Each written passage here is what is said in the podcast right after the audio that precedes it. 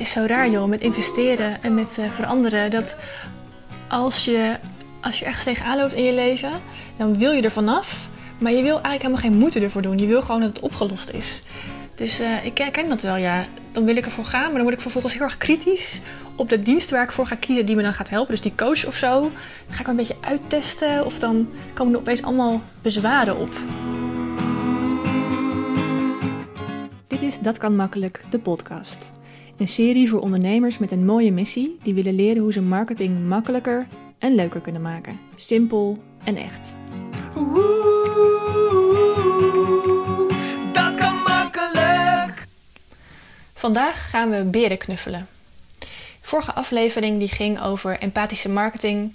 Heb ik jullie al iets verteld over dat klanten eigenlijk niet willen veranderen. Ze willen wel groeien, ze willen wel van een probleem af, maar ze willen niet veranderen. En het brein geeft hen allemaal bezwaren om maar niet in actie te komen.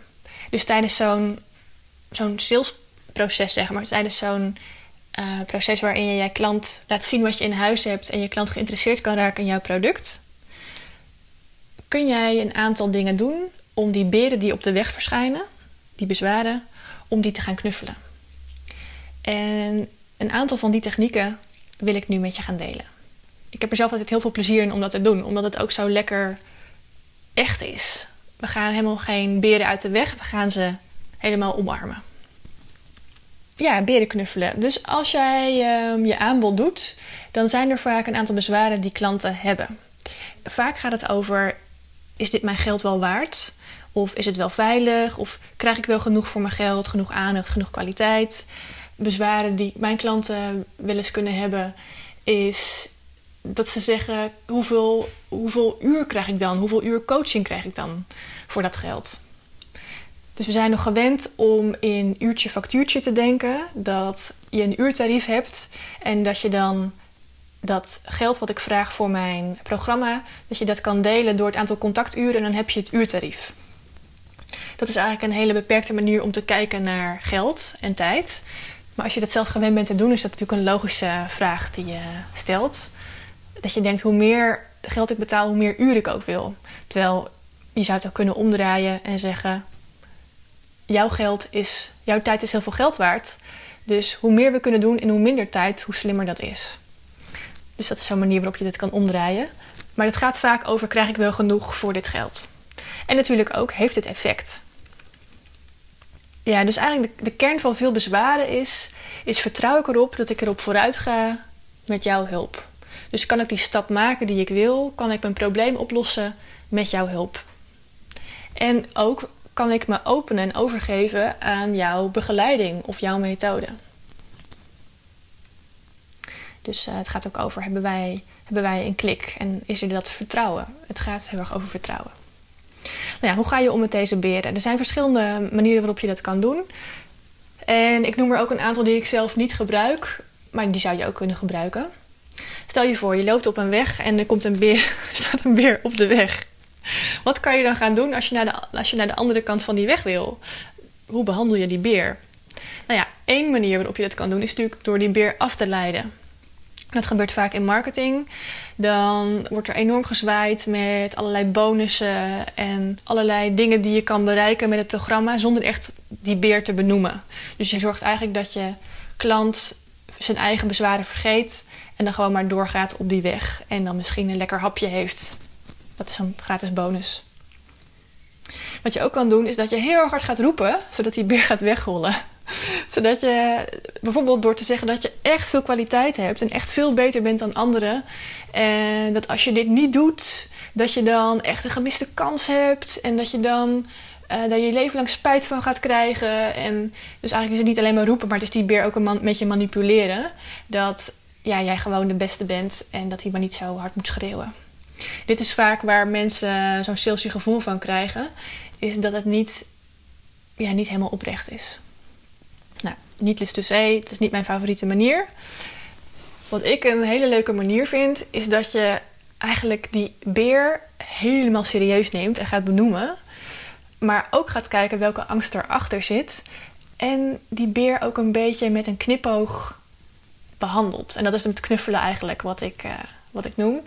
Dus eigenlijk die beren die we allemaal in ons hebben, je kan er ook een beetje om lachen. Niet uitlachen, maar je ziet ook wel dat ze zichzelf vaak veel groter maken dan dat ze hoeven te zijn. Dus ik vind het wel leuk om humor te gebruiken, om die beren te benoemen en dan kleiner te maken. Ik zal even vertellen hoe ik dat, uh, hoe ik dat doe. Ik heb van de week uh, had ik een coaching sessie met een klant en um, zij geeft een mooi ritueel binnenkort. Een ritueel over de baarmoeder, de right of, right of um, the womb. En zij wilde nog wat meer klanten en haar, haar favoriete klant is iemand die nog niet zo heel erg veel afweet van rituelen en van spiritualiteit. Dus het best wel spannend kan vinden om zich hiervoor aan te melden. Dus wat ik dan doe, is dat ik een soort. Ik ga die klant channelen. ik ga me helemaal verplaatsen in die klant. En vervolgens ga ik, ga ik mijn, mijn, mijn bromberenpet opzetten. En dan alle mogelijke bezwaren verzinnen die deze klant kan hebben om hier aan mee te doen. Maar dus wel interesse heeft in het resultaat. Dat is natuurlijk wel de, wel de bedoeling. Je gaat geen bezwaren noemen van mensen die helemaal niks willen met je, met je product of met je aanbod. Het zijn mensen die eigenlijk wel willen, maar nog net even een duwtje in de rug nodig hebben. Wat er bij me opkwam was uh, The Right of the Womb. Moet ik dan in mijn blootje? Uh, ik ken al die andere mensen niet die komen. Is dat niet veel te intiem? Ritueel gaan we dan als een soort stelletje heksen rond een vuur dansen? Ja, een hele middag is dat niet veel te lang? Ik ga dan maar gewoon een beetje ratelen. Maar er zitten vaak wel een aantal bezwaren in die, die eigenlijk precies de kern raken van wat iemand misschien wel denkt, maar niet durft te benoemen. Dat is ook fijn, dat, dat je ook vragen beantwoordt op je salespagina. Want dit gaat over, je kan veelgestelde vragen toevoegen. Of je kan bezwaren gaan benoemen in je tekst. Waarin je eigenlijk de angsten van mensen noemt die ze niet durven te delen, omdat ze denken, ja, kan ik dat wel zeggen. Dat is eigenlijk niet helemaal gepast. Dus ik vind het leuk om dat. Uh, ja, dat, dat, creëert een hoop lucht, zeg maar. Als je die benoemt in je tekst, dan denkt iemand: ah, ja, inderdaad, in mijn blootje, fuck. Hmm. Dus zo kan je dat doen. Je kan ook, dan, dan doe je het iets minder humoristisch, maar gewoon heel empathisch. Um, is dat je zo'n bezwaar benoemt en dan zegt: Ja, ik snap dat je dat hebt. Ik heb dat misschien ook, ik heb dat ook gehad. Maar ehm, je kan er ook op een andere manier naar kijken. Dus dan neem je het serieus, maar open je eigenlijk ook, zonder dat je iemand gaat overtuigen, open je ook de ruimte voor een ander perspectief. En deze heb ik geleerd van, van mijn eigen voormalige businesscoach Nienke van der Lek. Vond ik heel sterk. En het is eentje die jij ook kan gebruiken, want hij is vrij algemeen. Hij gaat namelijk over uh, de investering doen. Dus het geldt vooral als je een product hebt wat uh, behoorlijk wat geld kost en waarvan mensen denken: hmm, is dat die investering wel waard? Dus de vraag is dan: ik vind deze investering spannend. Heb je een tip? Dus, dus, de manier waarop je dat bezwaar dan benoemt kan ook heel erg helpen. Je kan natuurlijk ook zeggen: je bent veel te duur. Hoezo dit bedrag? Maar dat is niet echt een opbouwende vraag. Dus je wil de vraag of het bezwaar wel zo formuleren dat het al ruimte geeft. Dus je helpt iemand al om de vraag uh, of het bezwaar op een, um, ja, op een meer open manier te formuleren. Dus de vraag is: ik vind deze investering spannend, heb je een tip? En dan is mijn antwoord op de site: ja, investeren is altijd spannend. Zeker omdat je in dit traject ook naar jezelf gaat kijken. En bovendien weet je nog niet precies hoe je er aan de andere kant uit zal komen. Besef dat je door hiervoor te kiezen je investeert in jouw groei als ondernemer. Dat is niet alleen moedig, maar in mijn ogen ook slim, want je ziet je eigen blinde vlekken niet. Jij en je bedrijf groeien harder met iemand naast je die je kan spiegelen. En dan een stukje wat ik van Nienke van der Lek heb geleerd. Ik stel mezelf altijd drie vragen als ik overweeg een investering te doen. Ik denk dat ze ook waardevol zijn voor jou. 1. Wat kost het? 2. Wat levert het op?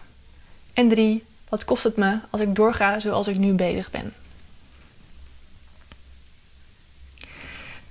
Dus hier zie je dat je eigenlijk een soort dans, een dans doet met je met je klant, waarin je die beren op de weg helemaal serieus neemt, maar ze ook ja, een ander perspectief geeft, zodat ze kunnen denken: oh ja, jij snapt waar ik zit. Hmm, goed punt. Ja, dus beren knuffelen, dat is uh, waardevol in marketing. Ik ben benieuwd, uh, misschien vind je het leuk om te delen via mail bijvoorbeeld, laura.datkanmakkelijk.nl. Ik ben wel benieuwd welke bezwaren jij krijgt of uh, hoe jij omgaat met de beren op de weg van je klant. En uh, ik zou zeggen, ga ze, ga, ga ze een rijtje maken van die beren van je klant en een antwoord formuleren. En ja, wie weet wat voor positief effect dat heeft op jouw marketing. Ik heb er alle vertrouwen in. Ja, leuk als je deze aflevering wilt doorsturen naar mensen die er wat aan kunnen hebben. Uh, als je een positieve rating wil geven. En als je zelf heel veel bij het knuffelen van je beren, ga dan naar www.datkanmakkelijk.nl. Mooie dag!